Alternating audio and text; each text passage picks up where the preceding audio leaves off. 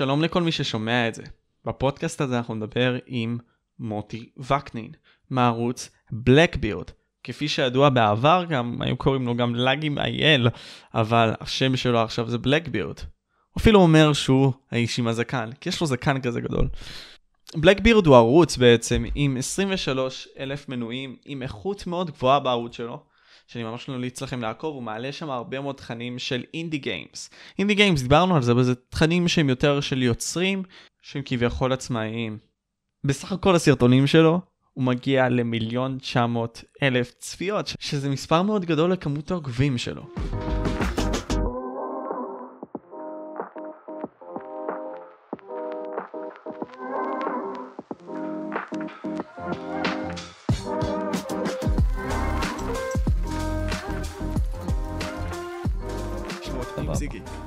אז ככה, מוטי, נתחיל מזה שאני ראיתי את הערוץ שלך כבר תקופה. בהתחלה ראיתי כזה on and off, ואפשרי להגיד שבסופו של דבר הצטרפתי לערוץ שלך כממבר של הבלקבירד, של הזה עם הזקן.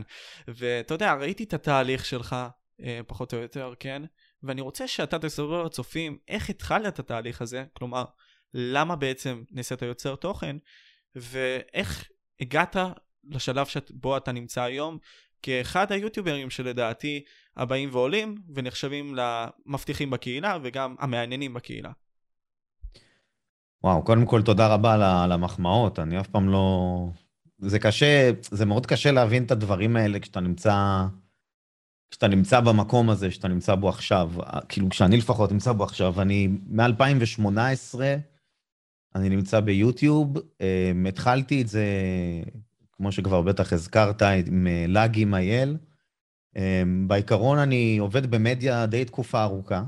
תמיד אהבתי מדיה, אם זה היה פייסבוק או אינסטגרם, היו לי מלא עמודים באינסטגרם שהייתי פעיל בהם. אמ, ובאיזשהו שלב אמרתי שבא לי לפתוח עמוד לגיימינג, אמ, וקראתי לעמוד לאגים, והתחלתי להעלות לשם כל מיני מימס, פשוט מאוד. ובאיזשהו שלב בחיים שלי התחלתי גם ללמוד קופי uh, רייטינג, שזה כתיבת פרסומות, כתיבה יצירתית, ושם הכרתי בחור מאוד נחמד, שגם גיימר, וקוראים לו יותם, וכחלק מהקורס היינו צריכים לעשות uh, איזושהי עבודה ביחד, והמרצה וה, אמר לנו שאנחנו צריכים או לפתוח קבוצת פייסבוק מפורסמת, או עמוד אינסטגרם, או ערוץ יוטיוב. עכשיו, בדיעבד, באותו זמן חשבתי שערוץ יוטיוב הולך להיות דווקא הדבר הכי קל, ומסתבר שזה לא היה כזה קל כמו שחשבתי. אבל התחלנו באמת עם אה, ערוץ יוטיוב, קראנו לו לאגים אייל. אמ, קראנו לו לאגים אייל נטו בגלל שגם לעמוד אינסטגרם קראו לאגים אייל, ואמרתי שאני רוצה להביא את הקהל מאינסטגרם ליוטיוב. ובאמת עלינו בצורה מאוד אה, גבוהה, ממש כאילו יחסית הצלחנו להגיע ממש מהר ל-500 רשומים ול-1,000 רשומים, וזה היה נטו כי השקענו הרבה מהכסף הפרטי שלנו על אה, הגרלות, היינו עושים באמת כמעט כל שבוע הגרלות באינסטגרם וביוטיוב. אמ, אם אני אגיד לך שזה היה רעיון טוב לעשות את זה, זה לא היה רעיון טוב בכלל.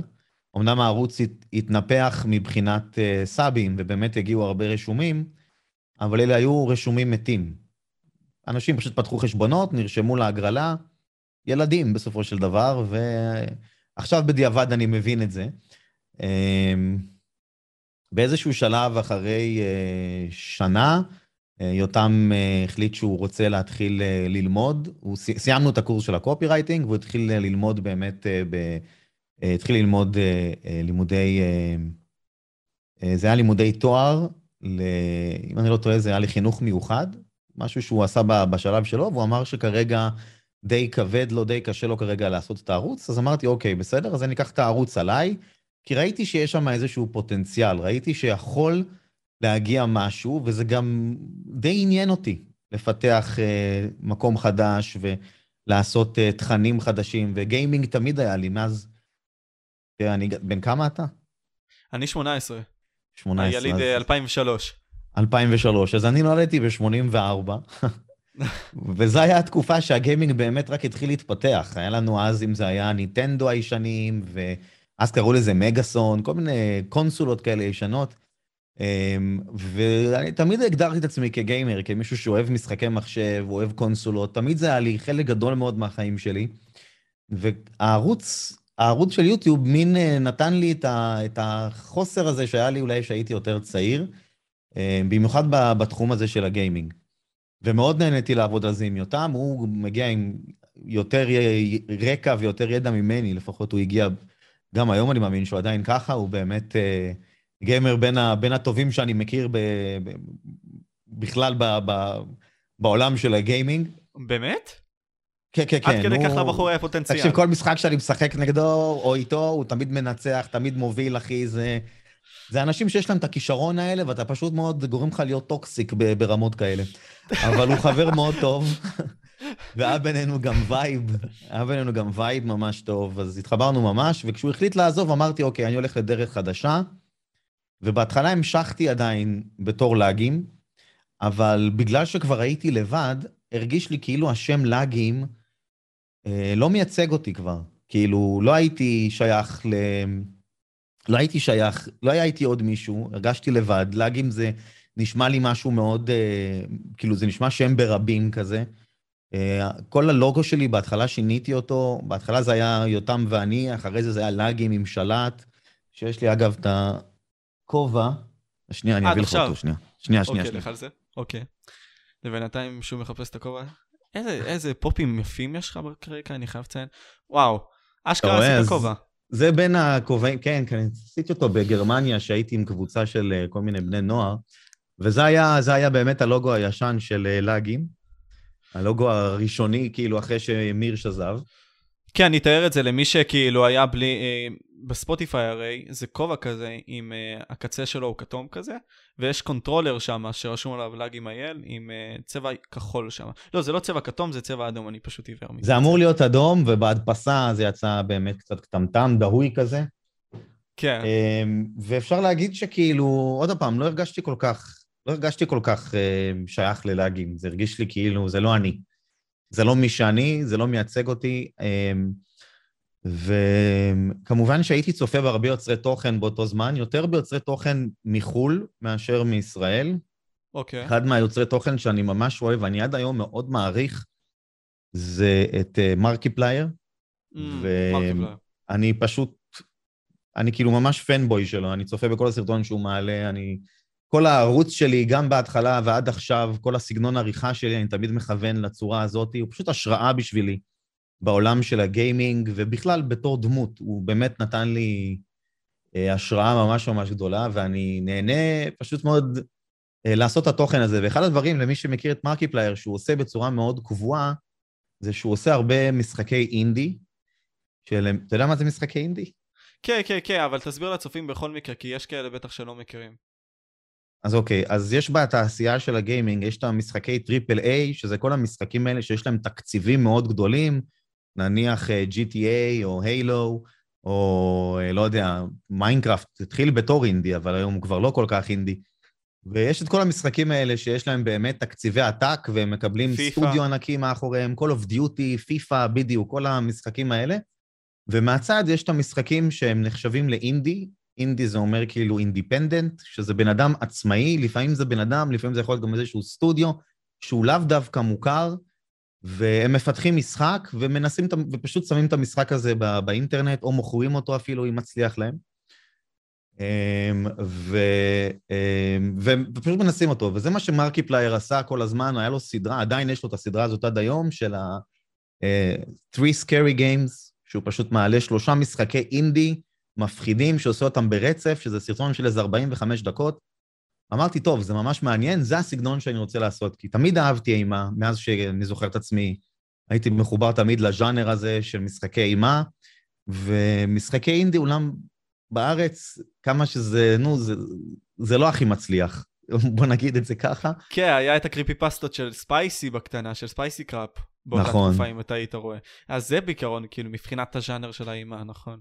בדיוק, אז עכשיו, אני, בגלל שאני הגעתי מהעולם של המדיה, אני ידעתי שאם יש חוסר, אם יש איזשהו חור שקיים, והוא לא, אף אחד לא מילא את החור הזה, אז כדאי להיכנס לשם, לאותה נישה. ואני עדיין מאמין בזה. כאילו, נגיד שהייתי באינסטגרם, היה לי עמוד שהתחיל ממש בקטנה, קראו לו אבא ג'וקס. זה היה עמוד שהיה פשוט מאוד בדיחות אבא. ממש ככה, זה היה כל מיני בדיחות אבא מטומטמות כאלה, הייתי לוקח כמו שיחת וואטסאפ, וכאילו מישהו מתכתב עם אבא, ואבא כל הזמן עושה בדיחת אבא מטומטמת. והעמוד הזה, בגלל שזו היה נישה שהייתה מאוד חסרה, הוא הגיע לאיזה 40-45 אלף עוקבים ממש מהר, הוא ממש uh, התפוצץ. וואו. והבנתי שבשביל לייצר תוכן שהוא צריך להיות גם טוב, אתה חייב למצוא איזושהי uh, נישה שלא קיימת ביוטיוב, או לא קיימת במדיה, ואתה חייב להתברג שם ולהיכנס שם. עכשיו, כל עוד יש לך את הנישה זה טוב, כי יש לך איזשהו כיוון שאיתו אתה הולך עם הסרטונים, אמ, אבל אחד הדברים שחסרים זה באמת החשיפה. והיינו עמוד, כשאני קיבלתי את לאגים, זה היה עמוד שהיה בו בסביבות ה-9,000 סאבים, וכל סרטון שהייתי מעלה היה מגיע ל-200, 300 צפיות, 400 צפיות, וזה פשוט מתסכל. כי אתה רואה עמוד שיש לו כל כך הרבה עוקבים, עם כל כך קצת צפיות, ומשהו כמו איזה שבע או בין שבע לעשר אה, תגובות, זאת אומרת, משהו פה מסריח. גם כן כשאתה עושה לייבים, ועמודים שיש להם גם תשע אלף עוקבים, אתה מצפה שיהיה לך לפחות את ה-40, 50, 60 צופים שיהיו איתך. אני ישבתי בלייבים עם שבע צופים, עם שלוש צופים, עם עשר צופים, עם חמש עשרה. אני זוכר שהיו לי פיקים שהייתי מתלהב, שהייתי מגיע ל-30 צופים, ופשוט מאוד הייתי אומר, וואו, היום היה לי אחלה לייב. ואני מסתכל על לייבים שהייתי עושה בעבר, של חמש שעות, שש שעות וארבע מאות צפיות, שבע מאות צפיות, ואתה אומר לעצמך... זה מתסכל זה. זה מתסכל ברמות, כי זה אומר שעשית משהו לא נכון בדרך. זה לא הגיוני שהערוץ שלך כזה גדול מבחינת אה, כמות של סאבים, ואין לך, לך את החשיפה. עכשיו, אם אתה מגיע למצב כזה, אתה צריך לעשות בדק בית. אתה חייב להבין מה לא עשית נכון. אני ישר הבנתי שאחד הדברים שלא עשיתי נכון באותה תקופה, זה היה נטו להביא אנשים מהגרלות. כי כשאתה, מה אתה עושה בסופו של דבר? אתה מוכר את עצמך. זה מה שאתה עושה, אתה, אתה הופך את עצמך ל, למישהו שכל פעם מביא הגרלה, וזה לא משנה מה מימו, אנשים פשוט ייכנסו, יירשמו להגרלה ויעלמו. הם לא באמת נהנים מהתוכן שלך, הם לא נהנים ממי שאתה, והם כנראה לא יחזרו, הם פשוט ירצו את ההגרלה ופה זה ייגמר. אז אני אמרתי, אוקיי, אני מנתק את התוכן של ההגרלות. קודם כל, זה היה משהו מאוד חשוב בשבילי. אז הפסקתי לעשות הגרלות לגמרי בערוץ. Uh, הדבר השני בבדק בית שעשיתי זה, אוקיי, עכשיו אני צריך להחליט האם הערוץ שלי הולך להתמקד יותר בתוכן, שזה הולך להיות נטו וידאוים, כאילו סרטונים ליוטיוב, או שאני הולך לשנות את זה ללייבים. ובגלל שמאוד התחברתי לעולם הזה של הלייבים והסטרימינג, אה, הרגיש לי שכאילו אני יותר חי בסטרימינג. עכשיו, זה משהו שמאוד חשוב, ואני באמת כאילו, אני אוהב להגיד את זה במיוחד לאנשים שרוצים להתחיל. אה, כשמתחילים סטרימינג, אחד הדברים שלפי דעתי הם מאוד מאוד חשובים, זה שקודם כל תהיה לך איזושהי אישיות. שתהיה בן אדם, שיהיה לך דעה, אה, שתרגיש שאתה מביא משהו אחר שלא קיים ביוטיוב, ולא קיים בעולם של הסטרימינג, הישראלי לפחות. עכשיו, בהתחלה, אני עוד פעם, הלכתי עם אותו תחום שלי, הייתי משדר משחקי אימה, משחקי אינדי, היו מגיעים צופים, כמות המודים שהתחלפו אצלי בערוץ, כל פעם זה היה תן לי mod, תן לי mod, תן לי mod, כל פעם התחלפו, אנשים היו באים והולכים, באים והולכים, באים והולכים, באים והולכים. היו, עד עכשיו יש קהל שאני יודע שנמצא שם מהתקופה שהייתי עם ה-10,000 סאבים, עד לתקופה, עד להיום, שזה תקופה של משהו כמו איזה שנה וחצי שעברתי. כן, משהו בסגנון הזה. בדיוק. ו... אה, וזהו, ואז כאילו אמרתי לעצמי, אוקיי, סבבה, התחלתי לבנות מין בסיס של קהל, שראיתי שאני עומד על אה, כמות של 60 אה, צופים קבועים, הבנתי שאני חייב מפה להתקדם כאילו ולהבין, אוקיי, מה אני עושה עכשיו כדי לפתח יותר את התחום הזה. ואני חושב שאחד הדברים שעזרו לי מאוד זה פשוט ליצור תוכן, או פשוט ליצור קשרים עם עוד יוטיוברים אחרים, עוד סטרימרים אחרים. וזה היה לי מאוד קשה בהתחלה, בגלל שאני גם נשוי, גם יש לי עבודה נוספת שאני כאילו מתעסק בה, ו... וגם יש את הערוץ שאני צריך לתחזק. עכשיו, בין כל הדברים האלה, אם אתה רוצה ליצור קשרים עם אנשים, אתה לא יכול לעשות את זה, פשוט לשלוח למישהו הודעה ולהגיד, היי, מה המצב?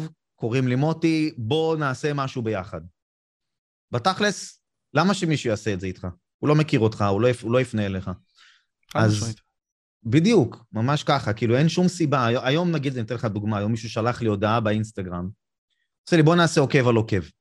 אומר לו, מה זה, מה, זה, מה זה נותן לי ומה זה נותן לך, אחי? כאילו, איך זה, עוזר, איך זה עוזר לשתינו בסופו של יום? אז אני אעקוב אחריך, אתה תעקוב אחריי, איך זה עוזר לך? אתה לא, זה לא שאתה עוקב אחריי כי אתה אוהב את התוכן שלי או משהו, וזה לא שאני עוקב אחריך כי אני אוהב את התוכן שלך או משהו, אין לי חיבור. כן, אז יש עניין של קנייה מסוימת. כן, בדיוק. ההבדל הוא הקנייה, ההבדל איך שאתה קונה את הבן אדם. נגיד סתם, אני יכול לקנות אותך כי נתתי לך, לא יודע מה, קניתי לך עכשיו סנדוויץ', או כן. כביכול קניתי אותך כי הייתי שם בשבילך, בדרך בדיוק. שלך, והאמנתי במה שאתה עושה. בדיוק, ואם אתה בן אדם עם דעה, ואתה בן אדם שיש לו מה להגיד, ואתה דמות, אין מה לעשות, אתה תהיה דמות, וזה לא מעניין, אתה יכול להיות דמות מצחיקה, אתה יכול להיות דמות uh, טיפשית, אתה יכול להיות דמות אפילו נוראית, אנשים מתחברים להכל, ואנחנו יודעים את זה, יש את זה בקהילה שלנו ביוטיוב, זה לא חסר בכלל. יש דמויות שהייתי יכול היום בכיף להחליף ולהוציא, אבל עובדה שיש לאותם אנשים קהל, אם נרצה ואם לא. אמ, אז בסופו של דבר, ליצור קשר עם בן אדם, מבחינתי זה היה ליצור קשר עם סטרימרים. כי זה, מי, זה הקהל שאני הכי, כאילו, הייתי סטרימר, אז אני צריך ליצור קשר עם סטרימרים בסופו של יום. והתחלתי לשבת פשוט מאוד בלייבים. התחלתי לשבת בלייב של פרטיזן, והתחלתי להגיב ולצפות ולהיות פעיל, ובלייב של סנקס ואצל רונן, ואצל כל מיני סטרימרים אחרים, והתחלתי להיות פשוט מאוד יותר פעיל אצלם. וזה מה שגרם לי בסופו של דבר, אמ, איפשהו שמה את, את המקום הזה של להגיד, היי, אני פה, אני סטרימר, אני רציני, אני מעוניין ליצור איתך קשר, בלי לשלוח הודעות מאחורה, בוא תעשה איתי עוקב על עוקב, פשוט מאוד בצורה כזאת. ואני עד היום, באמת, כאילו, אני יצרתי קשרים שחברים מאוד קרובים, שפשוט התחברנו ממש. אמ, ואני בכיף גם, כאילו, אני יודע שאם מישהו תומך בי, אז אני תומך בו, אז אין לי בעיה גם מצב, כאילו, לתרום או להיות חבר מועדון, באמת, ברמות האלה של כאילו, להבין שזה בן אדם שעושה את העבודה שלו, ואתה תומך בו, ואתה לא בא לשם בשביל לנצל את הקשר הזה איתו, אתה בא באמת כדי ליצור אה, מין אה, אה, תמיכה כזאת ומין עניין חברי בלבד, שמשם יכול לצאת משהו. אם זה יצא, זה יצא וזה יהיה טוב. אינטרס חיובי כלשהו למען מטרה נעלה כלשהי. בדיוק, אני, אני לא אשקר לך. כן. אין, אין לי מה לשקר. בסופו של דבר אתה כן נמצא פה בקהילה שאנשים רוצים לגדול ולהתפתח, וחייב להיות פה מין רעיון כזה מאחורה, שהוא בסופו של דבר, אנחנו כן רוצים לגדול. אבל למה שמישהו, למה שבן אדם שלא מכיר אותך ירצה שתגדל? כאילו, על חשבון מה? כאילו... אז, אז בסופו של דבר, אתה מפתח פה קשר שהוא קשר חברי, ואתה מקווה שהקשר הזה באמת יהיה חברי, ואם זה חבר, אז זה חבר, כמו שלך יש חברים בבית. אז זה אותו דבר לכל דבר. ואני מכיר היום הרבה סטרימרים שהם סטרימרים טובים, אבל הם לא מפתחים קשרים. הם נשארים בנישה שלהם, נשארים בקובייה שלהם, והם לא יצאו משם, הם פשוט מאוד נשארים עם החברים הפרטיים שלהם. וזה די משאיר אותם במקום הזה, ואני חושב שכאילו זה מה שמבדיל בין אה, להיות אה, סטרימר שהוא מצליח לעשות את זה, כי הוא... יש לו דמות, אישיות, והוא גם יכול לפרוץ, לבין אה, סטרימר שאולי יש לו את האישיות, אבל הוא נשאר בצד. וזה אין מה לעשות, כן. אנחנו כאלה טיפוסים. עכשיו, אה, אם אתה סטרימר שמתחיל את הדרך שלך, ואתה רק בהתחלה, או יוטיובר, אה, אני תמיד המלצתי על זה, קודם כל, אה, תמצא את הנישה שלך, את המקום שאתה משלים בו את החסר. מה חסר? זה דבר אחד. דבר שני, זה כמובן שיהיה לך איזשהו ציוד מינימלי, כדי שתדע שאתה צריך לעמוד בסטנדרטים של יוטיוב. ודבר שלישי זה באמת אישיות ודעה. שתהיה לך דעה, ומספיק שאמרת אייגד, זה כבר נותן לי דעה מסוימת, אתה מבין? כן, כאילו, כן, כן. בסופו של יום, אז... כן, לפני הפודקאסט אה, פשוט אמרתי שראיתי את מוטי אה, ב-2017 כזה, עוד היו הרבה מאוד סרטונים של אייגוד, שעד עכשיו יש, אבל mm-hmm. עד אז כאילו היה הרבה מאוד פרסומות של זה, אני די בטוח שהרבה מאוד מכם ראו את זה, אה, כל התנועה הזאת של היהודים המשיחיים, על זה שיהושע הוא בעצם, זה ש... ישוע. זה י' ש' ו' ע'. כן, לא י' ש' ו', כן. אז אנחנו נרחיב על זה גם, אבל uh, כל הנושא הזה, פתאום אמרתי את זה, פתאום נפתחו העיניים, כי יש על מה לדבר ויש הרבה מאוד על מה לדבר. אתה, אתה יודע, אני, פה אני אומר לעצמי דבר אחד, אני, אני רוצה לסכם את כל הדברים שאמרת עכשיו בפרפרזה mm-hmm. מסוימת, ותוך כדי לשאול אותך שאלות מסוימות. אז אתה אומר לי, משה, תמצא את הנישה שלך. סבבה, קיבלתי. Uh, תבוא ותהיה דעתן, בעל אישיות, תעשה את זה. Uh, שיהיה לך כלים. Uh, מסוימים בסיסיים, בין אם זה אפילו מיקרופון של טלפון שיכול לבוא ולעזור לך, רק צריך לדעת איך להנגיש את זה בצורה הנכונה. כל mm-hmm. הדברים האלה. Uh, האם אתה חושב אבל שזה רק, כאילו, הכוונה מבחינת הדברים הגדולים, אנחנו לא מדברים עכשיו על הדברים הקטנים האלה, נגיד סתם כבל אינטרנט טוב, כל מיני כאלה. לא, אני מדבר, נגיד סתם, האם אה, לעשות את זה לזמן ממושך מסוים, להתמיד, זה דבר שהוא גם נכנס בקריטריונים האלה. ברור. כן, אז אני אשמח שתרחיב על זה, אם זה ברור. זה, לפי דעתי, חייב להיות איפשהו זמן שבו אתה צריך לשאול את עצמך, האם זה באמת מה שאני הולך לעשות לתקופה ארוכה, או שזה משהו שהוא לא, הוא כרגע רק בגדר של תחביב, או שאולי אני לא מתאים לזה, ואז אני צריך פשוט לזוז הצידה. וזה באמת כל, כל יוטיובר או סטרימר באיזשהו שלב שואל את עצמו את השאלה הזאת בחיים. אה, אני ראיתי לאורך הזמן והתקופה שאני נמצא ביוטיוב, שאני באמת מ-2018 ביוטיוב, ואני יכול להגיד לך שרק בשנה האחרונה, מהתקופה של הקורונה עד התקופה שהתחילה הקורונה ועד עכשיו, אני נמצא במין עלייה שהיא באמת עלייה מאוד גבוהה. באמת, אני בשנה האחרונה, אה, כאילו נפתחו הדלתות של יוטיוב, והנה, קח, תתפנק, תתפנק, תתפנק. אבל במשך שנתיים שאני נמצא ביוטיוב, היה לי מאוד קשה. זה, זאת הייתה תקופה ששמתי מלא כסף והשקעתי, אבל ראיתי שיש קהל שנמצא איתי ואוהב אותי וממשיך איתי, ותומכים בי ועוזרים לי, ובאמת, זה הדבר שהכי הרים אותי בסופו של יום. אם הייתי רואה שזה לא עובד, אז הייתי יכול להגיד, טוב, זה לא הנישה שלי, אני לא צריך לעשות את זה כנראה. ו... והייתי מפסיק. אבל אני חושב שההתמדה והכוח הזה שהמשכתי והמשכתי והמשכתי, והאמנתי גם במה שאני עושה, והאמנתי ש... שאני יכול להגיע. וזה אחד הדברים הכי חשובים, אני חושב, כאילו, מספר הפעמים שהעליתי סרטונים והם לא עברו את המאה צפיות, זה, זה כאילו מרסק אותך, כי אתה עובד שעות על סרטון ופתאום זה לא עובד, ואתה אומר לעצמך, אוף, למה אני פה בכלל, למה אני צריך להיות כאן? באמת, יום אחרי זה אני יכול ללכת וזהו, לגמור את זה. אבל אז פתאום שבוע אחרי זה אתה כן מעלה סרטון, או שאתה כן עושה לייב, יש לך הרבה. אז תמיד צריך להיות מאוד מאוד אה, מאוזן, ולהבין שהכוח של ההתמדה בסופו של יום נותן לך את האפשרות של לראות באמת לאורך הזמן האם התפתחת, האם הערוץ שלך גדל, או שאתה תקוע באותו מקום. אם אתה תקוע באותו מקום, ואתה עדיין מתמיד, אז יש פה, יש פה איזושהי בעיה, יש כאן משהו שאתה חייב לעשות עוד פעם בדק בית, ולהבין למה אתה תקוע, מה עוצר בעדך להמשיך הלאה. אתה יודע, זה מזכיר לי משהו שאני לקחתי קורס של אחד היוטיוברים שנקראים עלי אבדל, אה, הוא, הוא מישהו מאוד ידוע בספירה של היוטיוב, הוא ממש דיבר על זה ואני אפילו אצטט את זה כי בול העלית את הנושא הזה.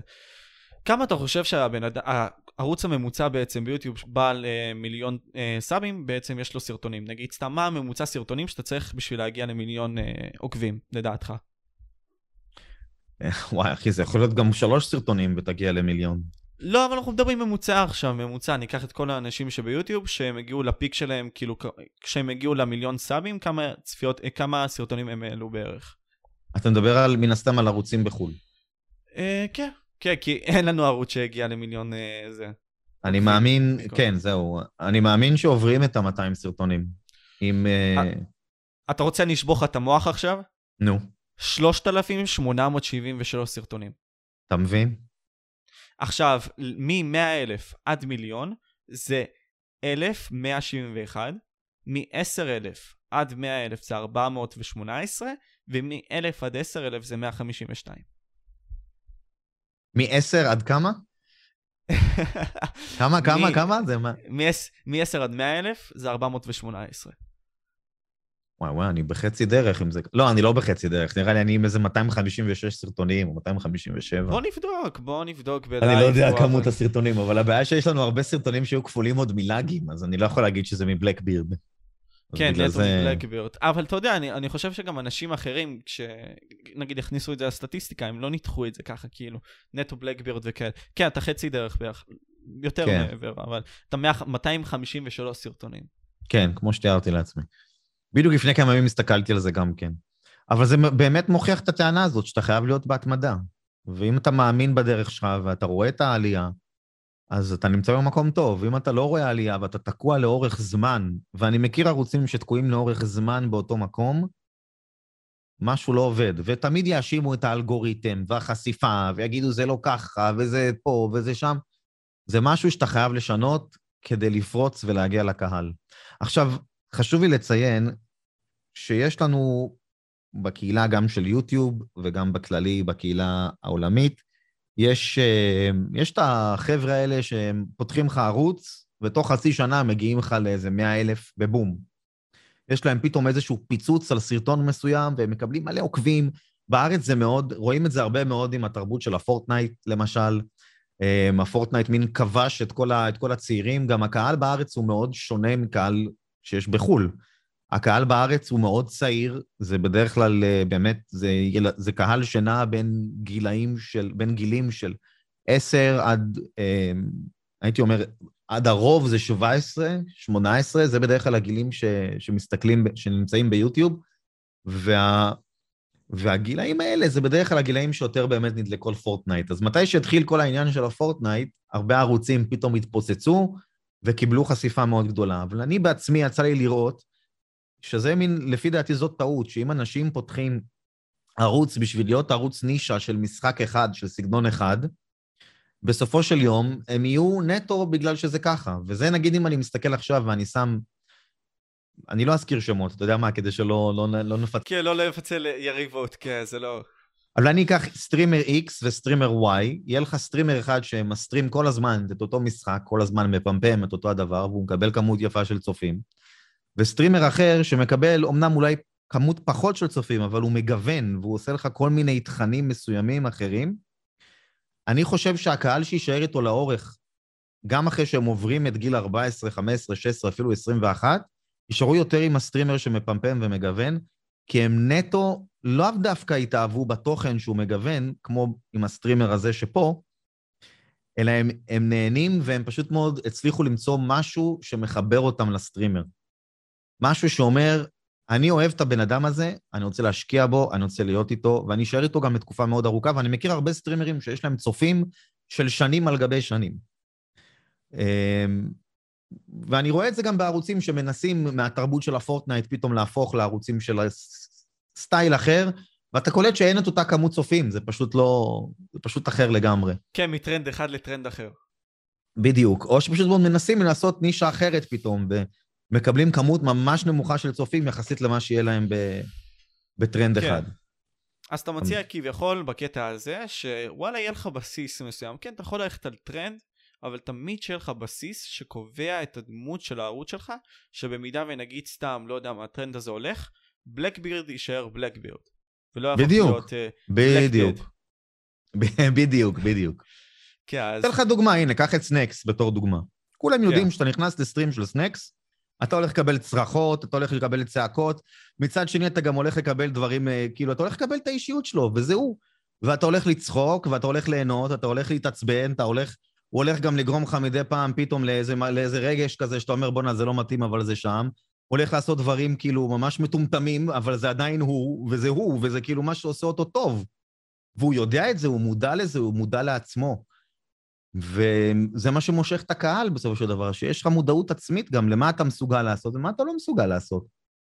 וכשאתה בא לבלקבירד, אז אתה יודע שיש לך פה בן אדם, שאומנם הוא לא בן 17, הוא קצת יותר מבוגר, אמ, הוא בדרך כלל עושה משחקי אימה, יותר משחקי story, או משחקי chill, אז אתה יודע לאן אתה נכנס, אתה מבין כבר לאיזה vibe אתה הולך להיכנס כשמתחיל ה stream. אתה גם דעתן. כן, גם יש לך דעה מסוימת, ואני זוכר שהייתי עושה את הלייבים של המשאית, דווקא הרבה אנשים היו נכנסים ל stream ופשוט מתחילים לשאול שאלות, והיה מתפתח מאוד יפה.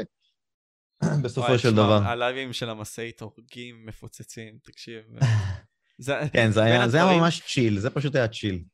כן, זה בין הדברים האלה שאתה, שאתה צוחק למוות, כאילו אני, אני זוכר שראיתי אחד עם מורת ועם uh, טווילה, ואתה מבין, אתה יודע שברגע הזה שאתה נכנס לסטרים, אתה אתה תמות מצחוק, טווילה אדיש כזה בקטנה וגם מצחיק, וגם מורת שהוא בכלל אישי עוד בפני עצמה, אז כאילו, אתה אומר לעצמך, God damn it, כאילו מה קיבלתי, בקטע טוב כמובן. כן, היה קטע שמורד שכח את המיקרופון שלו פתוח, ממש לקראת הסוף, ואני באתי להגיד שלום הצופים, ופתאום אני שומע, הוא תקע אחי מאוד, והמיקרופון שלו היה פתוח, אחי. והוא עושה לי, מה זה, לא סגרת עדיין? עושה לו, לא, יא חתיכת אידיוט. אתה עושה, אחי. ודמיין עד כמה המיקרופון היה, צ- כאילו, עד כמה זה היה חזק הפלוץ, בשביל שהמיקרופון יקלוט את זה. לגמרי, לגמרי. אתה יודע, אז פה, כאילו, הקטע הזה של האחווה הזאת, אתה יודע, היופי הזה, נגיד סתם, כל הקשר, כאילו, כביכול הקשרים האלה שאתה מדבר עליהם בקטע הזה, זה משהו שכן, כמו שאמרת, צריך לעבוד עליו, זה לא בטבע שלנו, נגיד סתם, זה שאני, נגיד סתם, יוצא מבית ספר, אני רגיל לעבוד לבד ולא לעשות את הדברים כפי שאני עושה אותם. וגם האלמנט של הקהילתיות שאני רואה אצלך הרבה מאוד, כאילו, זה וייבים, אחי, זה וייבים כאלה עצומים, שאתה פשוט מרגיש כל פעם באמצע הסטרימים. נגיד, אתה רואה את טלורד כזה בא ומגיב לך, ואתה פשוט בא ומגיב לו גם, רואה את זה בדיסקורדים, יש לך סרטונים. כאילו, זה אלמנטים כאלה שאתה לא מוצא בכל מקום. אז תיתן גם טיפים לגבי כל העניין הזה, כי שעת הדיסקורד שלך הוא גדול מאוד, יחסית ליוצר תוכן עם הכמות עוקבים שלך. אה, וגם על העניין הזה של אה, לא רק הקהילתיות, אלא יצירת הקשר. שאיך, איך, כאילו בפרקטיקה, מה אתה עשית בערך, על מנת שגם אולי יוצרי התוכן הבאים לבוא, אה, ילמדו מהטעויות ומהדברים הטובים שאתה עשית גם בין היתר. האמת שלא רציתי לפתוח ערוץ, כאילו ערוץ, לא רציתי לפתוח שרת דיסקורד. זה היה, בשבילי זה היה ממש אה, התעסקות שלא היה לי את הזמן או את הכוח לעשות. וכשהיינו לאגים, אז היה לנו, היה לנו שרת דיסקורד שהצליח להגיע די מהר למשהו כמו איזה אלף, אלף רשומים, שזה די מכובד יחסית לערוץ שהיה די קטן בזמנו.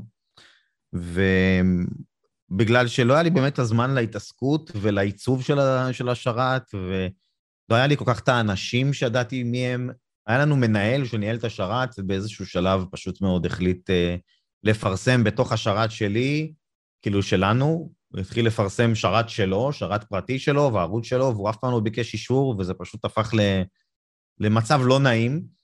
אמ, ובאיזשהו שלב נכנסו כל מיני אה, טרולים, ולא היה לי זמן או כוחות להתעסק עם זה, עד שאמרתי כבר, טוב, אני לא רוצה שום שרת דיסקורד. אני, אני אתנתק מזה, אני לא צריך את זה, זה נטו גורם לי להתעסקות שמושכת לי גם ככה את הזמן. ובאמת, לפני משהו כמו שנה וחצי, אם אני לא טועה, פתחנו את השרת דיסקורד של בלקבירד. אה, כרגע אני עומד על אה, 3,000 פלוס, 3,000 רשומים בשרת. אה, השרת די פעיל, אני מנסה לפחות כל שבועיים לעשות שם הגרלות על משחקים וכאלה. עכשיו עשית את זה אמ, למנויים, אז כאילו מי שרוצה להצטרף להגרלות האלה, לא למנויים, אלא לטיר 5, אם אני לא טועה. לטיר נכון? 5, כן, בדיוק. צריך להיות פעיל בשרת.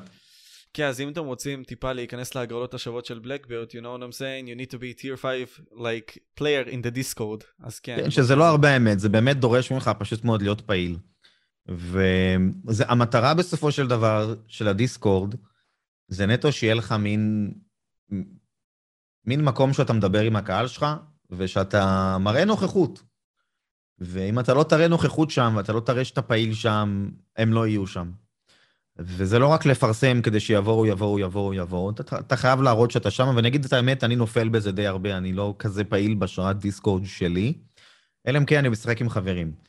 אמ, ואני מנסה להבין איך לעשות את זה. בעבר הייתי עושה לייבים רק בדיסקורד, פרטיים רק בדיסקורד.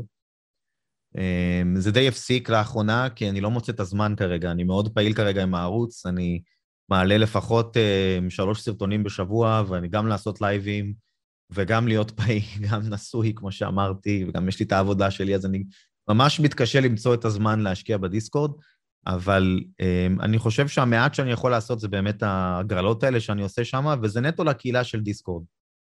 זה משהו שכאילו, um, אני בסופו של דבר, אני באמת מאמין בלתת כמה שאתה יכול. Um, ואני חושב שבאיזשהו מקום, השארת דיסקורד בסופו של דבר עוזר לך להבין מי הקהל שלך, וגם מה הם אוהבים ומה הם לא אוהבים, אה, ולהבין גם כן איך אתה, איך אתה ממשיך את הערוץ, כאילו, מה, מה מנתב את הערוץ שלך גם כן. הם לא חסרים ערוצי, כאילו שרתי דיסקורד, יש הרבה, יש המון. אני מאמין שלאנשים יש הרבה יותר משל... כמה, שרת, כמה, בכמה שרתי דיסקורד אתה נמצא? לא, תשמע, אני נמצא באיזה... נטו יוצר תוכן או בכללי? בכללי.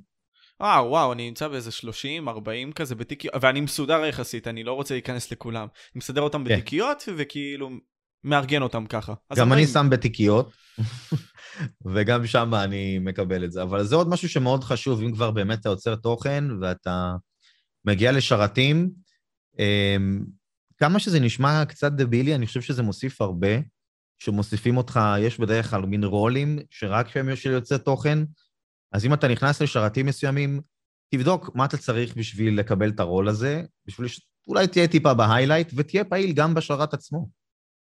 אתה לא חייב להיות ברמה של 100 אלף רשומים כדי להיות פעיל באיזשהו שרת, ותכיר אנשים. אל תעשה את הטעות הזאת של להתחיל לפרסם את עצמך בשרת שלא שלך, זה פשוט לא יפה, לא עושים כזה דבר. כן, אה, ויש לך שם רע אחרי זה, אז למה? בדיוק, בדיוק, בדיוק. ולחשוב פעמיים, אני תמיד אמרתי את זה, גם אני אומר את זה תמיד לבני נוער, אני עבדתי עם בני נוער, אני עדיין עובד עם בני נוער שנים, ואחד הדברים שתמיד חוזרים על עצמם עם בני נוער זה טעויות שאתה עושה בגיל הזה של בין 14 ל-18, זה טעויות של הגיל טיפש עשרה, לא סתם קוראים לגיל הזה ככה, זה גיל שאתה טיפש, אתה עושה דברים שאחרי זה אתה לא שם לב לתוצאה ואתה לא יודע מה הולך להגיע. אז לפני שעושים איזושהי, איזושהי משהו, פשוט לחשוב פעמיים לפני שעושים את זה. לכל דבר יש השלכות, גם חיוביות וגם שליליות, ולפעמים אנחנו לא רואים מה הטוב ומה הרע. בדיוק, בדיוק. לא, אז אני מבין מה אתה אומר, ומבחינת היצירת קשר הזאת, כן, אני מבין מה אתה אומר בקטע הזה של להיכנס לשרתי דיסקורד, להיות שם פעיל ולנסות כמה שיותר להציג את עצמך בצורה הכי טובה שיש, וגם לעזור במידה וצריך, כן? אה, איך אתה עשית אבל עם היוצר תוכן, ממש את הקשר הזה? כי עוד פעם, נגיד, סתם דוגמה, ניקח עכשיו איזשהו יוצר תוכן, הוא מנסה לבוא ולהגיע, הוא עם 5,000 עוקבים, הוא רואה את בלקבירד כל הזמן בסטרימים, אבל נגיד סתם מעניין אותו להגיע לבלקבירד, או לכל סטרימר אחר, זה לא משנה, פורסי, whatever, והוא רוצה מהמם. כן לבוא וליצור איתם את הקשר כדי לעשות איתם שת"פים. איך בערך הוא עושה את זה? אה, לפי מה שאתה בערך עשית. כן, פשוט מאוד, כמו שאמרתי, יושב בסטרימים של אותו בן אדם, מגיב. אה, בסטרימים זה דבר מאוד, אני חושב שזה יותר קל, זה, זה לא יותר קל, אבל זה יותר פשוט ליצור קשרים עם סטרימרים אחרים כשהם באמצע סטרים, כי הם בשידור חי. אז הם יגיבו, הם רואים, הם, הם שם. זה יותר קשה ליצור עם, עם יוטיובר שהוא עושה וידאוים באופן קבוע, ליצור איתם קשרים. עכשיו, כמובן, כמובן, אם יש לך עמוד אינסטגרם, אתה יכול תמיד לפנות גם באינסטגרם, היי, מה המצב, קוראים לי זה, טה-טה-טה, רק רציתי לדעת, אולי בהמשך נוכל לעשות משהו ביחד. גם לא, כאילו, לא שזה רע לכוון דווקא להכי גבוה, אני הראשון שנתן לי איזושהי חשיפה בכלל בכללי, זה היה רונן רייג', שעושה GTA הרבה. הוא הראשון שראה את הערוץ של לאגים, והוא נתן לנו פיצוץ מטורף בהתחלה, אחרי זה זה היה גיל גולן, ואחרי זה זה כבר uh, הפך להיות uh, פרטיזן, ואז uh, ורונן, אבל כאילו תמיד אמרתי לעצמי, לא להיות כזה מוזר שבא להידחף בכוונה, אלא פשוט מאוד ליצור קשר על ידי זה שאתה נמצא בסטרים, להיות, uh, להיות פעיל גם לסטרים, להיות, uh, להגיד, היי, מה קורה, מה נשמע, וגם להגיד מהצד לסטרימר, היי, אני יוטיובר, אפילו תן לי מוד, וכמובן, לא להיות הילדים האלה שהם... תסתכל, אני רואה נגיד את... פליז תן ללמוד. בדיוק, בדיוק, שזה מעצבן, זה פשוט מעצבן. אנשים לא מבינים מה זה גורם לסטרימר לחשוב שכאילו, כל מה שרוצים זה מאוד מאוד מאוד מאוד, זה ממש מעצבן, זה כל כך לא, לא רלוונטי. אני, זה כמה שזה יישמע רע, היו לי כל כך הרבה אנשים שנתתי להם מוד, והם היו באים במשך תקופה מאוד ארוכה לסטרימים, ואז באיזשהו זמן שהייתי רואה שכל הצ'אט שלי נמצא בצבע כחול, שזה אומר שיש רק מודים, התחלתי להוריד מודים לכולם, ופתאום אותם אנשים לא הגיעו לסטרימים יותר. ואז אמרתי, כאילו, מה, אתם פה רק בשביל המוד הזה? אז כאילו, בתכלס, אני כל פעם אומר את זה, שאני מעריך יותר את הצופים שהם מגיעים קבועים, והם שם.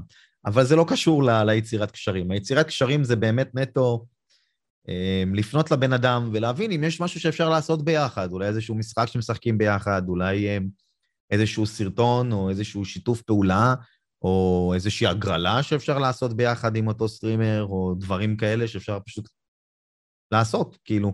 אני אתן לך דוגמה בתור פורסי, כן? אני צפיתי בו שהיה לו בזמנו, אני לא זוכר, היה לו משהו כמו איזה אלף, אלף, אלף סאבים. לפני כמה זמן בערך? שנה? זה לא היה, זה לא היה לפני שנה. פורסי ממש התפוצץ לפני... אה, כן, הוא התפוצץ כמה לפני קצת. זמן. כמה חודשים חודשים. אחורה. בדיוק. כן. ואני הייתי צופה, והייתי יושב לו בסטרימים, והייתי רואה אותו, והייתי מדבר איתו, כי נהניתי ממנו, אפילו אם זה לא משנה באיזה רמה אני נמצא ומה פה ושם. וראיתי שהבן אדם בסדר, הוא לא עכשיו אה, פסיכופת, למרות שיש כאלה שיגידו שכן, אבל הוא לא, הוא לא כזה בן אדם, אה, הוא לא מוזר, הוא לא עושה דברים מוזרים, הוא נטו מי שהוא, אני רואה שהוא עושה את הסטרימים ויש לו אחלה איכות, והוא משחק משחקים שהם מגוונים, ואמרתי, וואלה, זה אחלה גבר. אז פלשתי אליו פעם, פעמיים, שלוש, וגם פלאש פלש אליו, וזה עזר. הוא הגיע לאן שהוא הגיע, ואמרתי, הנה, יפה, יש לו פה נישה, הוא באמת, הוא מצא לעצמו את המקום שלו, הוא יצר לעצמו קהילה, יש לו קהל שאוהבים אותו, מעריכים אותו. כל הכבוד. אחד הדברים שמפחידים יוצרי תוכן כל הזמן, וזה מה ש... אני לא מבין אף פעם, אבל אחד הדברים שמפחידים יוצרי תוכן זה שלא יהיה להם צופים. זאת אומרת שבגלל שאנחנו ביוטיוב ויש כזאת קהילה מאוד uh, קטנה ביוטיוב, אז כולם כאילו מתחרים על אותה עוגה, אז uh, אתה מבין מה אני אומר? כאילו, העוגה של יוטיוב מאוד קטנה נחשבת יחסית, ואני חושב ככל שיש יותר סטרימרים והם יותר מגוונים, מגיע, כה... מגיע יותר קהל ליוטיוב בסופו של יום. זאת אומרת שנגיד אתה עכשיו אוהב פיפא, ואתה, לא יודע, צופה רק בבוטיניו, או בארז גבאי, או בתמיר אה, לוי, כאילו לא משנה במי, ואתה פשוט צופה בהם כל הזמן, כל הזמן, ואז פתאום אתה מתחיל לאהוב Call of Duty, ואתה רואה צץ לך בצד איזה מישהו שמשדר Call of Duty, אז הופ, אתה מתחיל עכשיו לזלוג ל-Call of Duty, ואתה מתחיל לצפות בעוד סטרימר. אז פתאום הנישה שלך בתור צופה מתחילה להשתנות לכל מיני מקומות אחרים.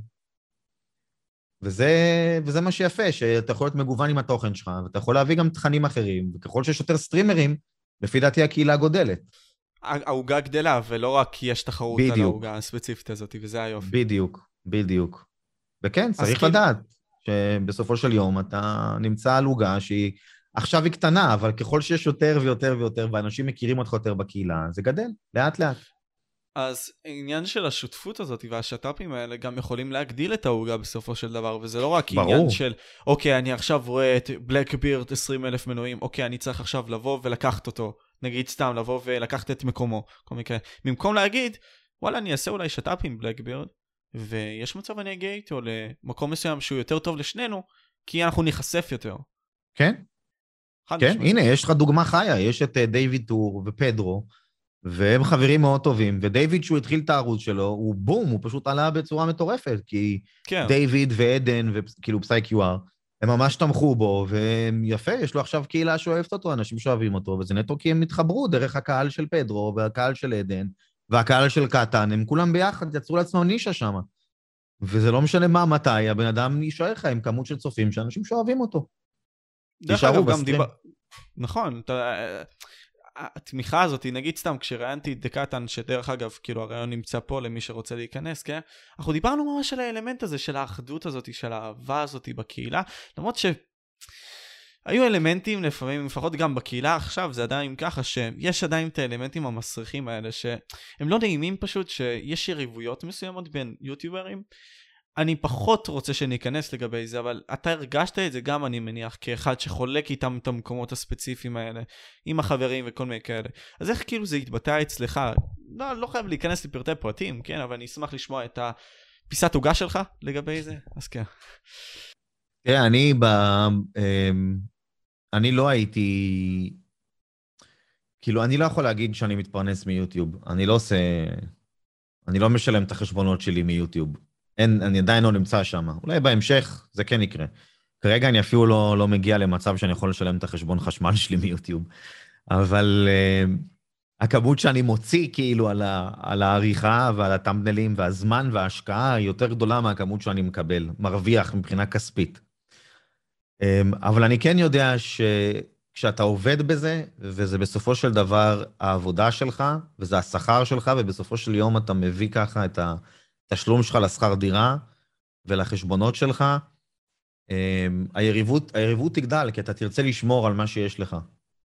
וזה מובן, זה מובן לי מאוד. חבל לי באמת אמ, שזה מגיע למקומות כאלה שיוצרי תוכן מתחילים להיות מאוד צרי עין, אבל עוד פעם, אני מדבר בתור אחד שיש לו עבודה מהצד, אני לא מרוויח. אבל הצרות עין הזאת, אמ, לפי דעתי, זה משהו שהוא די טבעי בנו בתור בני אדם, זה עניין הישרדותי, כדי לשרוד, אבל אני כן מכיר סיפורים של אמ, אנשים שפשוט עושים חרם על יוטיוברים מסוימים, ו... מבחינתי זה נורא, כי במקום, כי בסופו של דבר אני כן מאמין שאני בתור אה, יוטיובר, יש לי מין השפעה על הקהל שנמצא ומגיב ומסתכל וצופה בי, וכשאותו קהל מבין שיש יריבות עם יוטיובר אחר, זה אוטומט, אוטומטית גורם למין, אה, למין מחלוקת, או מין, אה, איך אני אגיד את זה, מין, בוא נגיד כן, קבוצה א'. וקבוצה ב', בדיוק, חיכוכים בדיוק. כאלה מיותרים. ואני תמיד שואל את עצמי, אני אומר לעצמי, מה אני רוצה שהקהל עכשיו ייקח מיוטיוב? האם, מה הקהל שלי, מה, מה אני רוצה שהם יקבלו? האם אני רוצה שבסופו של יום הם יהפכו להיות ילדים מניאקים שהולכים ויריבו עם כל בן אדם שהם רואים ומכירים? או שאני מוכן להבליג על דברים מסוימים שקרו לי בחיים, להבין שאין מה לעשות, זה קרה, ולהמשיך הלאה. ו... ואז גם הקהל עצמו יבין את זה, שאוקיי, בסדר, נכון, זה קרה, ממשיכים. וזה באמת, כל, כל יוצר תוכן צריך להבין שיש לו את ההשפעה הזאת, ואני חושב שהרבה יוצרי תוכן לא מבינים גם את הכמות של ההשפעה. אני בעצמי אמרתי לך, אתה זוכר בהתחלה, אמרתי לך, אני לא מודע לכמות של ההשפעה שיש לי על, על, על צופים, עד שאני לא מקבל את זה פתאום שאומרים לי איך עודדת אותי, איך, מה עשית לי, כאילו באיזה רמה... ואני פתאום מבין עד כמה באמת יש לנו כוח בתור יוצרי תוכן. ובסופו של יום, בסופו של סטרים, אני רוצה לדעת האם הקהל שלי בסופו של דבר למד שהיום הולכים ונכנסים באיזשהו יוטיובר בכל הכוח, או שפשוט מאוד מבינים שהיה לנו אחלה סטרים, היה כיף, היה מגניב, וממשיכים הלאה ביום-יום. ולצערי, יש הרבה כאלה שמדליקים את הקהל שלהם יותר, לצערי. גם בשקט, אגב, עושים את זה, כאילו... דברים אבל- שאנחנו לא רואים אה, כולנו בעצם. מספיק, מספיק. שבסטרים, מי שעוקב, מי שנמצא אחריך ועוקב אחריך מספיק זמן, מספיק שאתה אומר מילה או שתיים, כבר אוטומטית יודעים על מי אתה מדבר. מבינים את זה כבר. אני זוכר, אני, אני כמובן שלא רוצה להזכיר את השם של אותו בן אדם, זה מזכיר לי את האירוע הזה שרונן דיבר על עניין הפדופיליה בקהילה, mm-hmm. על זה שיש אנשים איקס, וכאילו פתאום כולם כזה אומרים את השם של אותו בן אדם. כאילו, אתה, אתה, כן, אתה צודק, כי אנשים באמת מבינים מה הולך, מה העניינים של הקהילה, אנשים בלי להגיד מבינים אפילו את השם, אתה. כבר תדע. בדיוק, זה לחבר לינקים מסוימים. כן. חד משמעית. וחוץ מזה אתה נהנה אבל מהקהילה, כלומר אתה, אתה כן חווה את כל הצדדים הטובים, הטובים פחות, אה, גם כי קרו הרבה מאוד מקרים כאלה לא מובנים, אני זוכר גם עם העניין הזה של גוואלד שעשית איתם את הפודקאסט, ופשוט ישבת והוא רצה לעשות את זה, ו-clear the air מה שנקרא באנגלית. מהמם. אתה נהנה מהקהילה שבה אתה נמצא בקטע הזה? נהנה מהאנשים? אני אגיד לך את האמת, כן. אני, אם לא הייתי נהנה, לא הייתי ממשיך. לא, הי- הייתי פשוט מפסיק. לא, אבל אתה יכול אמ, להתחבר לקבוצות ספציפיות, אתה לא חייב לעוף את כל הקהילה, זה מה שאני מנסה להגיד, כן. לא התחברתי עדיין עם, כאילו... בוא נגיד ככה שאני מצאתי את, ה, את המקום שלי סביב האנשים שאני מעריך, אוהב, ושאני חושב שאני שמח לתמוך בהם גם כן. כאילו, בצורה כזו שאני אוהב גם את הקהל שלהם בסופו של יום, כי הקהל שלהם זה הקהל שלי. כשהם עולים ללייב ואני עולה ללייב, אנחנו רואים טוב מאוד איך זה עובד. אבל אה, בסופו של יום, כן, אני מאוד נהנה, ואני חושב שיצרתי, אני, אומר את זה על עצמי, כן? יצרתי באמת איזשהו מקום שאני יכול אה, להביע את עצמי, ובאמת אה, אה, להבין שיש אנשים שיגיבו לזה ויהיו שם. אז אני מאוד נהנה מה, מה, מהמקום הזה. אבל, ופה מגיע גם האבל, לפעמים זה מאוד מתיש. כאילו, אני אגיד לך את האמת, לעשות אה, לייבים זה לא קל. אנשים חושבים שהי, בוא נפתח לייב וזהו. אבל אם אתה לא מעניין, ואם אתה לא... זה פשוט, זה ישעמם, ואתה צריך לדעת שאתה גם בסופו של דבר מבדר, ואתה עושה משהו מעניין, חוץ מזה שאתה מסטרים את המשחק באיכות של 4K או לא יודע מה. כן. זה לא רק וכאן, האיכות אני של הרבה פעמים-. הרבה פעמים כן. אני מוותר על לייבים, כי פשוט אין לי חשק, ואני יודע שאם אין לי חשק וכוח רצון, אז זה פשוט ייראה ככה, ואנשים יבינו את זה, הם, מרגיש את זה בסופו של יום בתור אה, סטרימר. וזה למה אני אגיד, אתה רואה את סנקס, משדר לך שבועיים רצוף, ואז חודש הוא נעלם לך פתאום. כי הוא באמת כאילו מגיע למצב שהוא פד, הוא מלא, הוא מפוצץ, אם זה גם על הקהילה, על היוצרי תוכן, והוא פשוט מאוד חייב את ההפסקה שלו. כן. כן. זה, זה מאוד ככה. אני, אני, כל פעם שאני חושב על סנקס בשיחה הזאת, הסרטון שאתה שולח נוד כלוא לפרטיזן, עוברים לי בראש, תקשיב. זה נורא. רעיון חכם שלך, אבל אהבתי ממש, תכף את זה. חכם. ממש אהבתי. איך, איך עלה לך בכלל? כאילו, איך ירד לך יותר נכון בקטע הזה? האמת- האמת שזה היה מירש, אה, יותם, זה שהיה איתי בהתחלה בלבלים, אז הוא אמר לי על... אה, בלבלים, בלאגים. בלאגים, לבלים זה אמיר. איתי ב- אה, בלאגים בהתחלה, והוא אמר לי, יש את החבר'ה האלה שמוכרים נוד כלוא, זה נוד בצנצנת. אתה חייב וואי. לקנות פעם אחת ולפתוח את זה בלייב. אז פתחתי אחד בלייב, וזה הסריח לי פה את החדר, באמת, אבל היה לי איזה 400 צופים, שרצו לראות אותי סובל. משום מה אנשים נהנים לראות אותנו סובלים כנראה.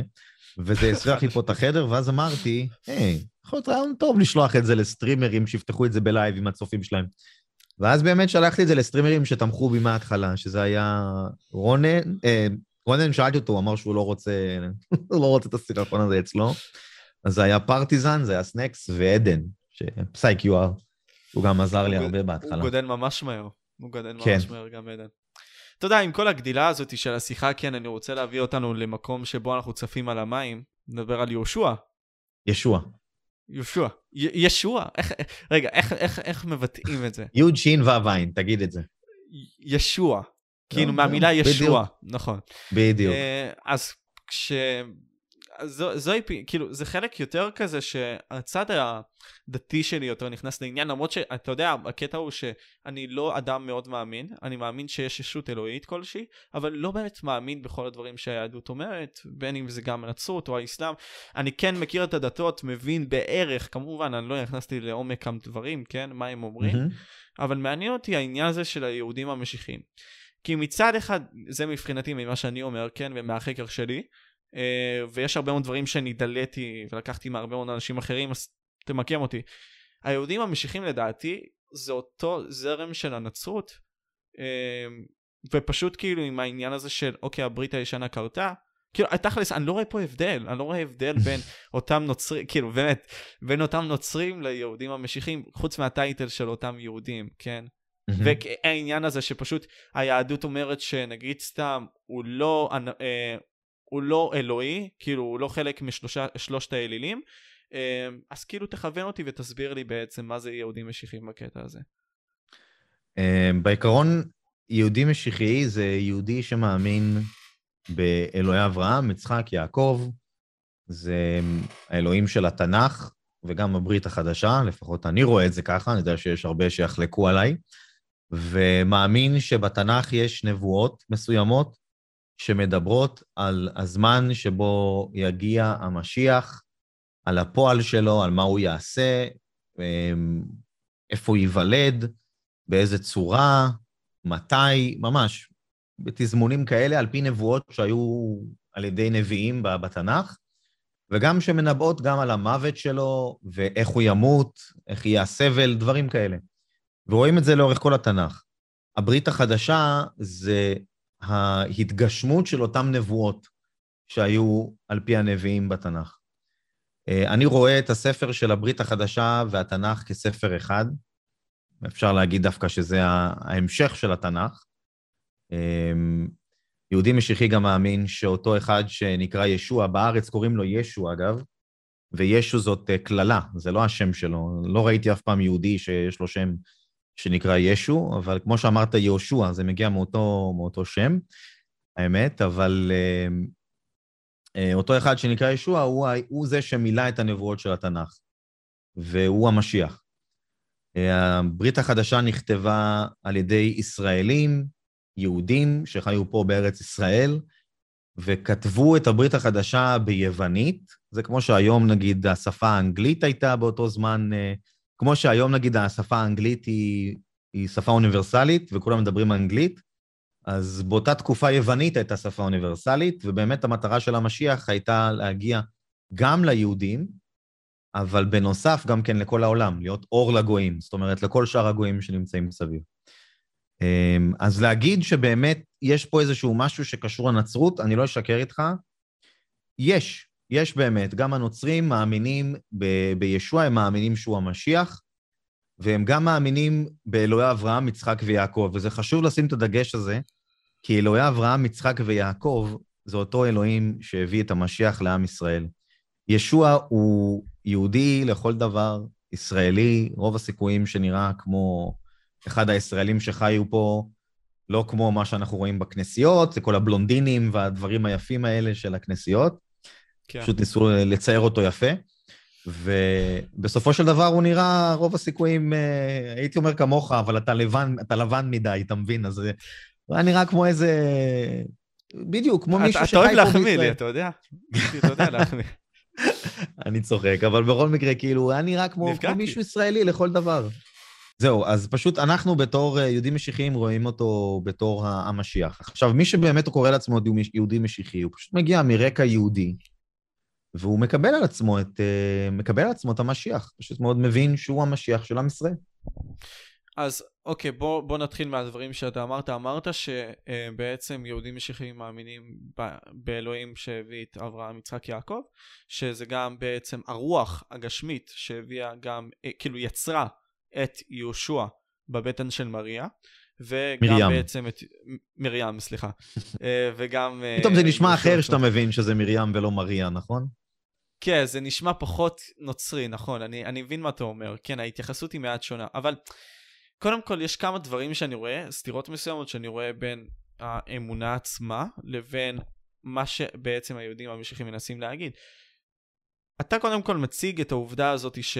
וזה מאוד מעניין אותי ופה תתקן אותי.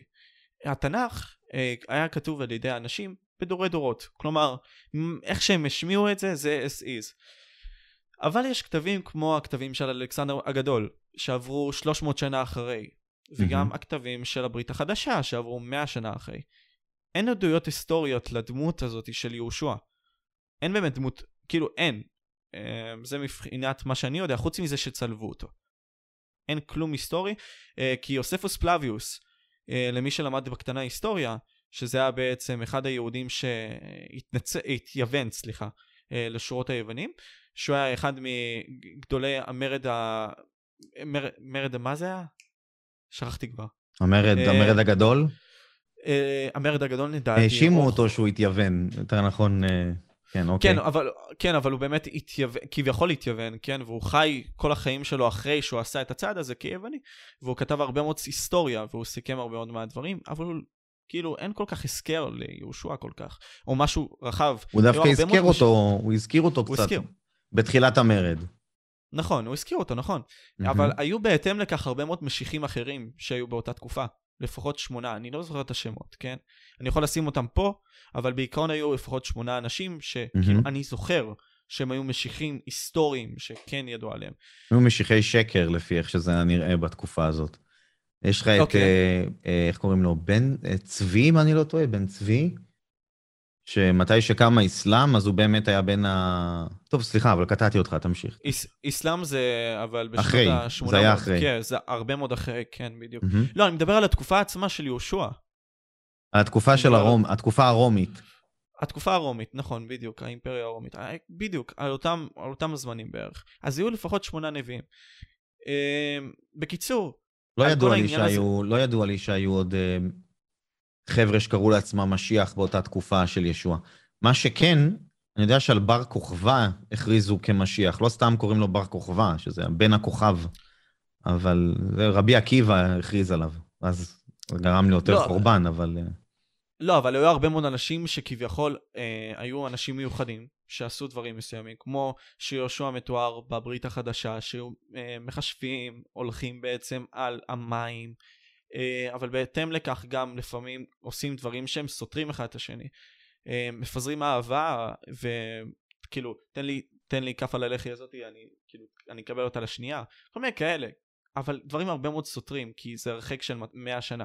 מה שאני מנסה להגיד פה זה שאני לא רואה את מידת ההשוואה כאילו את, את העניין הזה של היהודי המש, המשיחי כי כן אני מבין את קיומו של יהושע שיש יהושע היסטורי, אבל בהתאם לכך אני אומר לעצמי שזה נכתב מאה שנה אחרי, בניגוד לספר של התנ"ך, בהתאם לכך בהרבה מאוד מספרי התנ"ך, אה, לא, אני לא מדבר על התורה, חשוב לציין, התנ"ך, אה, רשום שם שלא יהיה שום עם שיקבל בעצם את הבשורה החדשה, לא משנה עד כמה היהודים יחטאו, אה, בני ישראל יחטאו. אז כאילו, תחבר איפה, אותי איפה? בדברים האלה. סליחה, אני רציתי... אתה רוצה שאני אמקל אותך מבחינת הפסוקים? כאילו, אני... שנייה, אני לא על זה, אבל אני זוכר, אני שנייה אזכור את זה, שנייה. אה, אני יכול לענות לך בינתיים אם אתה רוצה. כן, כן, כן, בינתיים, אני אחפש, תענה. אמ, רק שתדע להגיד שהברית החדשה נכתבה 100 שנה אחרי התקופה של ישוע, זה טעות היסטורית. כי אה, אחד הדברים שהיו מאוד חשובים באותה תקופה זה היה כתיבה. הרי לא היה לך אמצעי וידאו, ולא יכולת באותו זמן לבוא ולתעד בווידאו דברים שקרו, אז הדברים היחידים שיכלת לתעד זה היה בכתב. אמ, אני מסכים שבאמת, יכול להיות שהיה אולי עשרות שנים ולא מאה שנה, זה כבר לפי דעתי יותר מדי, וזה נטו בגלל שגם מי שקרא ומכיר את הכתבים של הברית החדשה, רואה שאין שום אזכור בברית החדשה בכלל לחורבן הבית, חורבן בית שני, שזה קרה ב-70 לספירה. זאת אומרת שמשנת 30, שזה מתי שהמשיח מת, עד לשנת 70 עוברות לך 40 שנה, ובתקופה הזאת אין אזכור בכלל על חורבן הבית, או על הרומאים, או משהו כזה. אמ, אז להגיד 100 שנה זה קצת, קצת כאילו, קצת אה, לא, לא תקף בעניין הזה. ורק בשביל לחזק את זה, גם בתלמוד הוא היה מוזכר כמה פעמים, והתלמוד עצמו אה, נכתב עליו, המשפט שלו גם כן. והברית החדשה היא מימן היסטורי מאוד מדהים, כאילו, עם כמה שאוקיי, סבבה, זה גם ספר שהוא מן הסתם גרם ל... למין אה, פילוג דתי, וזה חשוב להגיד שזה פילוג דתי, זה לא קשור בכלל, זה פשוט חוסר הסכמה עם הזרמים שהיו באותה תקופה ביהדות הבסיסית, שזה היה הצדוקים, הפרושים, אה, לא חסרים, היו קרוב לאיזה 60 ומשהו כתות, כמו שגם התלמוד מזכיר, אבל העניין הוא שזה תיעוד היסטורי לכל דבר, והיסטוריונים יגידו לך היום, שהברית החדשה נחשבת כתיעוד היסטורי לתקופה של עם ישראל, במיוחד בתקופת בית שני, שדי, כמו שאמרת בעצמך, די כזאת אה, לא נותנת לנו כל כך אה, זווית אה, מתקופת ההיסטוריה, כי באמת לא היה אף אחד שבאמת כתב על אותה תקופה, חוץ מיוספוס פלביוס. לא, היו עוד היסטוריונים אחרים. כן, כן, על עם ישראל אני מדבר, כאילו, כן. זה באמת מביא... תקופה, הנה, יש לך גם את הדוגמה של מגילות הספר שמצאו את, מגילות קומראן, סליחה, שמצאו נכון. מאותה תקופה, שמראה שבאמת היו חילוקי דעות. היו חילוקי דעות עם הפרושים, הרי מי, מי היו הכת של קומראן? זה היה הכת שפרשה בסופו של דבר מה... אמ, פרשה מחיי היום-יום הרגילים ופרשו לכיוון ים המלח. ומצאו את המגילות שלהם, וגם שם שפותחים את המגילות, אתה רואה שיש פרשנות שונה הברית החדשה היא מהימנה היסטורית, כאילו, זה ספר שאפשר להסתכל עליו כספר היסטוריה לכל דבר גם כן, שמראה בדיוק את התקופה של עם ישראל. לא יודע אם יצא לך לקרוא את הברית החדשה, או לא יצא לך, אבל... אה, בקטנה, לא הרבה, את האמת.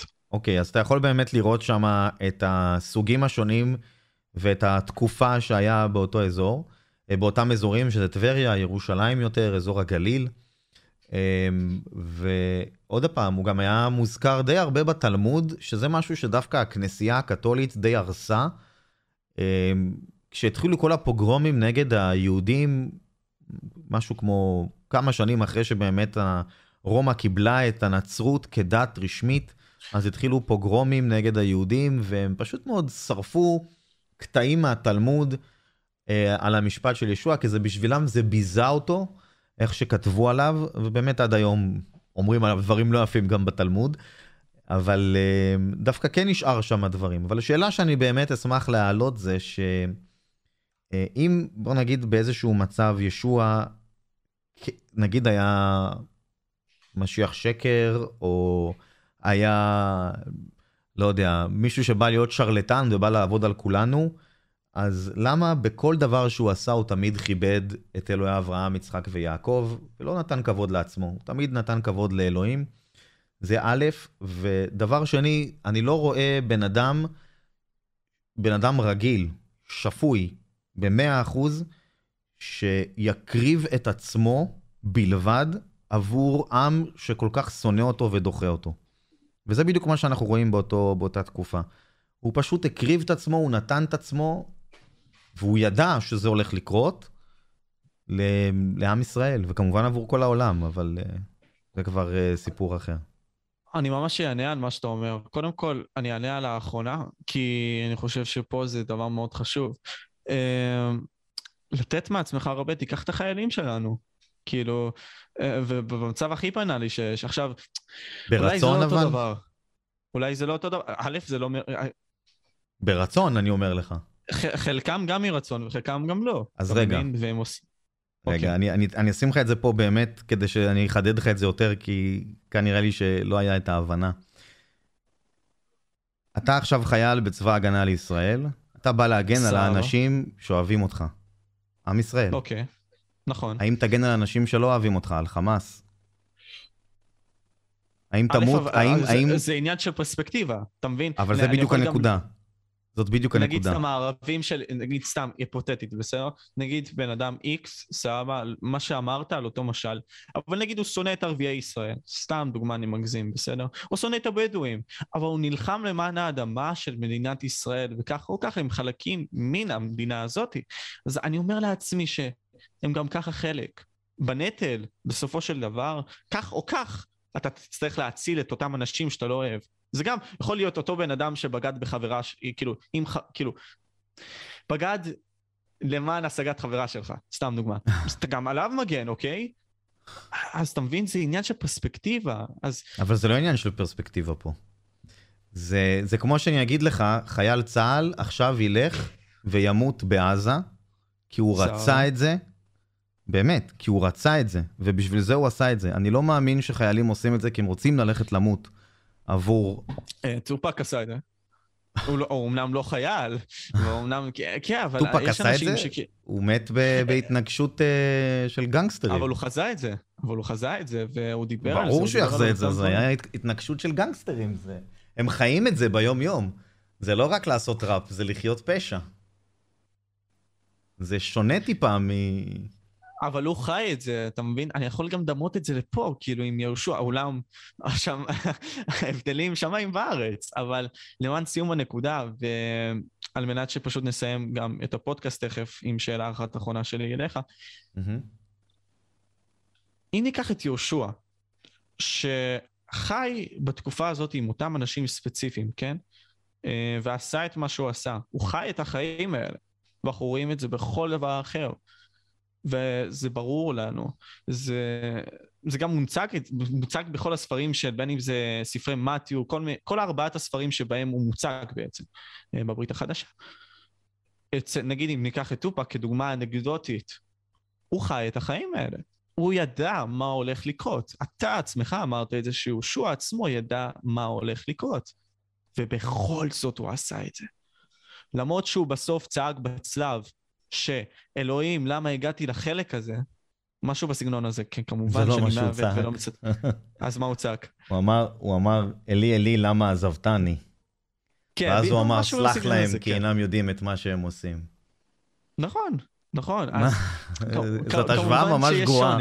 אני כאילו, אני, אני מנסה להבין מה שאתה אומר לי עם טופק, אבל זאת השוואה ממש גרועה לקחת, אוקיי. אה, אה, בסופו של יום טופק נרצה או לא, הוא היה, הוא היה סוג של פושע.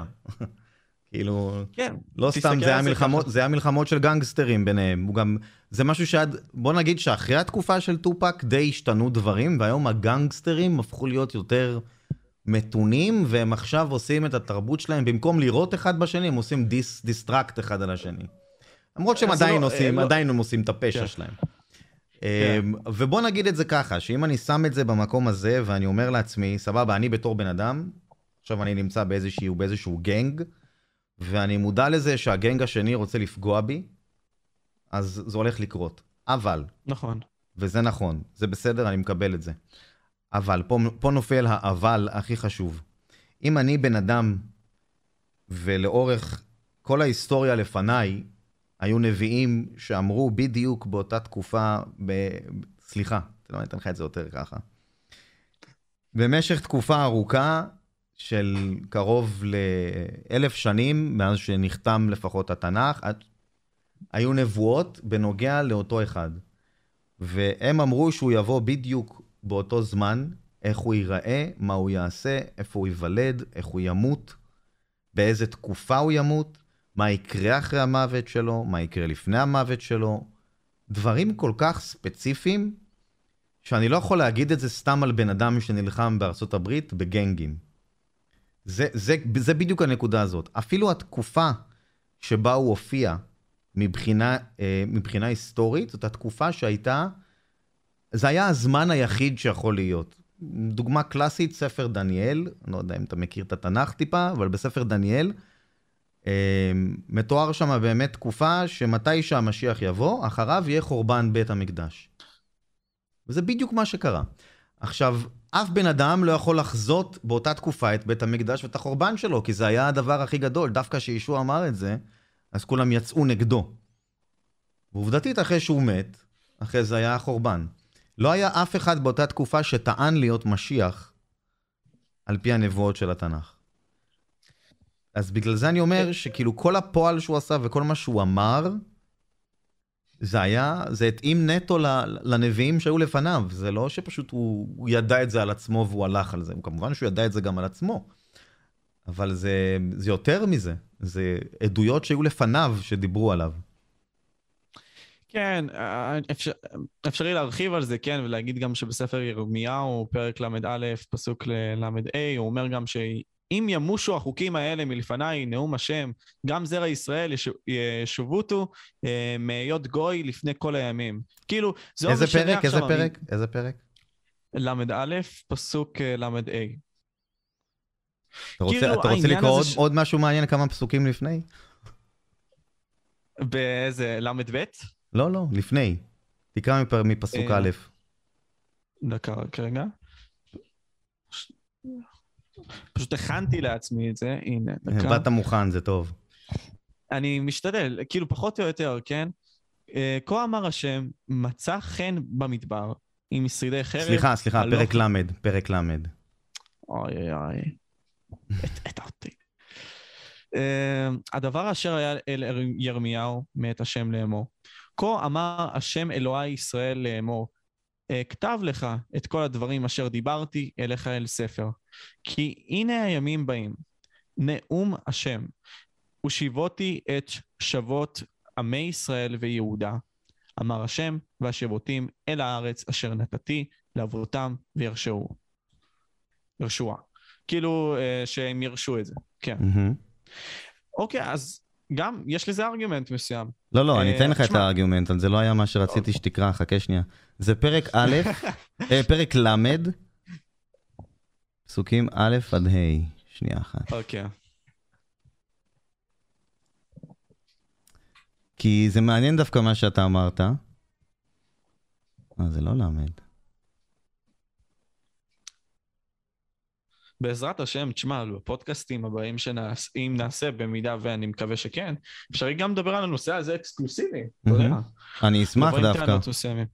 לעבוד, כאילו, בסופו של דבר, תשמע, אין לי, אין, לי אישית, אין כל כך אה, למה לבוא ולהציג את הדעה שלי. אני באמת בטוח, כאילו, אם עכשיו יש לך דעה ואתה יודע שהיא הנכונה, וואלה, mm-hmm. הכי, כאילו, אני הכי בעד שתתקן אותי ותראה לי במה אני טעיתי.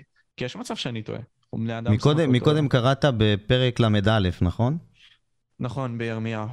אז אוקיי, אז תקרא, תמשיך, כאילו, אני הייתי ממליץ לך לקרוא את כל הפרק, אבל הנה, תקרא מל"א עד ל"ד... עד ל"ה. אפילו עד ל"ד זה יספיק, אבל תקרא את הכל. כאילו... סבבה. אין בעיה. למה, וואי, המצלמה הזאת הורגת אותי, המצלמה החיצונית הזאת. שתמות. זה כדי לענות למה שאמרת מקודם, אגב, על uh, אם ימושו הדברים. בל"א. כן, ל"א? בל"א. פסוקים ל"א עד ל"ד. אוקיי. Uh, לא כברית אשר קראתי ל"א. ל"א, נכון. אז ל', הנה ימים באים. הנה ימים באים. זהו. נאום השם וקראתי את בית ישראל ואת בית יהודה ברית חדשה. אה, אוקיי, אני מבין עכשיו לאן אתה הולך. תמשיך, תמשיך, זה מעניין, תמשיך. נכון, לא כברית אשר קראתי את אבותם ביום החזקי בידם להוציאם מארץ מצרים. אשר אמה הפרו את בריתי ואנוכי בעלתי בם נאום השם. כי זאת הברית אשר אכרות את בית ישראל אחר הימים ההם, נאום השם. נתתי את תורתי בקרבם, ועל ליבם אכתבנה והייתי להם לאלוהים. ועמה המה. יהיו לי לעם. והמה המה. יהיו לי לעם. מהמם. אה, ולא ילמדו עוד איש את רעהו ואיש את אחיו לאמור. דעו את השם, כי כולם ידעו אותי, מקטנם ועד גדולם. נאום השם כי אסלח לעונם עוונם. ולחט... לעוונם, סליחה. ולחטאיהם לא אזכור עוד. אני אעצור פה, אני מבין מה אתה אומר. אני, אני יכול להמשיך, ואני ממליץ לכם להמשיך אחרי הפודקאסט במידה ואתם רוצים, אבל בסופו של דבר זה מדבר על אותה ברית חדשה, שכביכול תהיה לאחר הימים הבאים. מה הם הימים הבאים? לבוא. אוקיי, אני מבין את הארגומנט שלך. מה אתה אה, מבין ש- מה הארגומנט שלי? זה מעניין אותי לדעת. שבסופו של דבר יבוא עם מסוים, כביכול, ש... או משהו מסוים, שימשיך את מה שהיהודים בעצם הרסו, מה שהיהודים בעצם איבדו. בוא תקרא עוד הפעם. בעצם- אני, אני יודע שאני כאן, אני לא יודע אם אני ממשיך לך את הפודקאסט או לא, אבל זה פשוט מעניין. תקרא עוד הפעם בבקשה את פסוק ל', אוקיי. בסדר? אה, הנה ימים באים, נאום השם וקראתי את בית ישראל ואת בית יהודה ברית חדשה. אוקיי. אה, לא שים כברית- לב לפסוק אוקיי, אז- ל"ב. לא, אוקיי. לא כברית. אה, כי זאת הברית אשר אכרות את בית ישראל אחר רגע, הימים ההם. לא כברית אשר קראתי את אבותם ביום החזיקי וידם אז אוקיי, להוציאם מארץ אחרת. מצרים. איזו ברית מדובר ביציאת מצרים? אוקיי, אה, שהם העם שלי, העם הנבחר. איזה ברית, אבל איזה ברית מדובר? ברית סיני. על אוקיי, התורה. נכון. נכון? נכון, נכון. ואז קרה מה שקרה עם העגל וכל אלה, נכון. חכה, אבל הוא אומר ביום החזיקי וידם להוציאם מארץ מצרים אשר המה הפרו את בריתי אוקיי, ואנוכי ועלתי בם נאום אדוני. זאת אוקיי. אומרת שהם הפרו כבר את הברית. אתה יודע כמה אוקיי. פעמים לאורך התורה עם ישראל הפר את הברית? נכון, הרבה מאוד. לאורך הנביאים? כדוגמת העגל. אני אתן לך את זה אפילו יותר מזה. כשישעיהו בן נון פורט, אה, כאילו שהוא כובש את הארץ, אמ, הוא בעצמו צריך להקריא לעם ישראל את התורה, כי היא כבר נשכחה. אז כל Mm. התקופה של הנביאים, הכל, הם כבר הפרו את הברית כל כך הרבה פעמים. אז הוא אומר להם, אני עכשיו הולך לעשות לכם ברית, שהיא כבר לא תהיה כתובה על אבן, אלא היא תהיה כתובה בלב. ויותר כן, מזה, הוא מחדד, והוא אומר, בפסוק ל"ד, זאת לא תהיה ברית שכבר צריך ללמד אחד את השני עליה. זה לא יהיה מצוות וחוקים. כמו שאנחנו מכירים, אמ, כי יהיה פה סליחה לעוון ולחטא. ועכשיו, Mm. למי שבקיא בתורה יודע שסליחה לעוון ולחטא זה היה נטו על ידי קורבן. כל ספר, אה, כל ספר ויקרא מדבר על הכוהנים ועל הקורבן, על הקורבנות שיש בבית המקדש. ופה הוא מדבר נטו על זה שיהיה סליחה, הוא אומר ככה, כולם ידעו אותי למקטנם ועד גדולם נאום אדוני, כי אסלח לעוונם ולחטאתם לא אזכור עוד. זה סליחה ל- לעולם. והקטע הזה של כולם, אני פה אני אסיים גם כן, אבל כל הקטע הזה של כאילו כולם ידעו אותי מקטנם ועד גדולם, אני רוצה בבקשה שתראה לי דמות אחת בהיסטוריה, עד היום, שדרכה מכירים את אלוהי אברהם, יצחק ויעקב. דמות אחת, שעכשיו נגיד משה. אני טס. לא. לא. למה? לא. אתה טס עכשיו לארצות הברית, אתה תשלל איזשהו מישהו נוצרי אם הוא מכיר את אלוהי אברהם, יצחק ויעקב, הוא לא יגיד לך משה. לא, לא, אני מבין. אתה- התכוונתי אה. שם מסוים. אוקיי, בסדר. אתה אומר משה, כי זה בא אליך. אבל כן. זה מקטנם ועד גדולם, זה לאו דווקא רק אנחנו עם ישראל, זה כולם, זה כל העולם. מהקטן ועד הגדול. אבל כולם יודעים את השם מוזס, בלי קשר. בסדר, אבל משה לא הכיר לעם ישראל, לכל העמים את, אלוהי אברהם, יצחק ויעקב. תשמע, אני יכול להמשיך איתך את הדיון הזה שעות, בקטע ברור. הזה, ואני יותר אשמח לשמוע לגביך, כאילו, ובכללי שנקבע אולי בהזדמנות איזשהו מועד מסוים, שנוכל לדבר על הדברים האלה. ברור, ונבוא ברור. יותר מוכנים גם, כי יותר טוב כאילו שאנחנו שנינו נבוא מוכנים. עם אה, טענות מסוימות שלנו, וזה לא בהכרח חייב להיות debate, זה יותר פשוט לדון על אותם נושאים על מנת למקסם את ההבנה שלו, של הצופים שלנו בסופו של דבר. מה, מה התבונה הכי גדולה של החיים שלך, או השיעור הכי גדול שאתה רוצה לשלוח את הצופים איתם הביתה? וואו. אמ, בסופו של יום, באמת, אני חושב שאחד הדברים, אה, לפחות שאני רואה, שהם ממש ממש חשובים, זה... תדע מאיפה אתה בא, לאן אתה הולך, תהיה בן אדם... תהיה בן אדם שמכבד אנשים אחרים, ותבין שתמיד יהיה מישהו שיהיה יותר מוצלח ממך ויותר חזק ממך, ושזה לאו דווקא יהיה משהו שיוריד אותך, אלא להפך, שזה יהיה משהו שייתן לך יותר אה, פוש כדי לעשות דברים יותר טוב. ותגדל זקן ארוך, אחי. כן, אתה יודע מי אותי עם זקן ארוך, השם ישמור עם הזקן שלך, השם... אולי אני אנסה לעשות את זה בעריכה עכשיו, אני לא יודע אם זה עובד, אבל במידה וזה כן עבד, כאילו, good job for me, כי אני עושה את העריכות. אני אשתדל ממש. תשמע, היה לי התענוג, אחי מוטי, אתה תותח. בכיף, בכיף. אתה באמת איש שכיף לי לדבר איתך, אמ, ואני אשמח להביא אותך לעוד כמה כאלה, שפשוט נדבר, נדון על נושאים, אמ, ואתה הכי אדם תותח בכללי, ואני ממש רוצה להמליץ לכם על הערוץ שלו בלי קשר. אה, תעקבו אחריו ביוטיוב, אה, תכנסו אליו לדיסקורד, והרבה מאוד מהלינקים הרלוונטיים בעצם יהיו בתיאור למטה. יש לך דבר אחרון שאתה רוצה לתת לצופים בתור מסר אחרון? תעשו sub. למשה. תעשו sub. Yes, indeed, למוזס. יאללה חברים, אני הייתי באיתו פודקאסט משה, זה היה מוטי וקנין מהערוץ בלקבירד, האיש עם הזקן, וביי. ביי. יאללה אחי.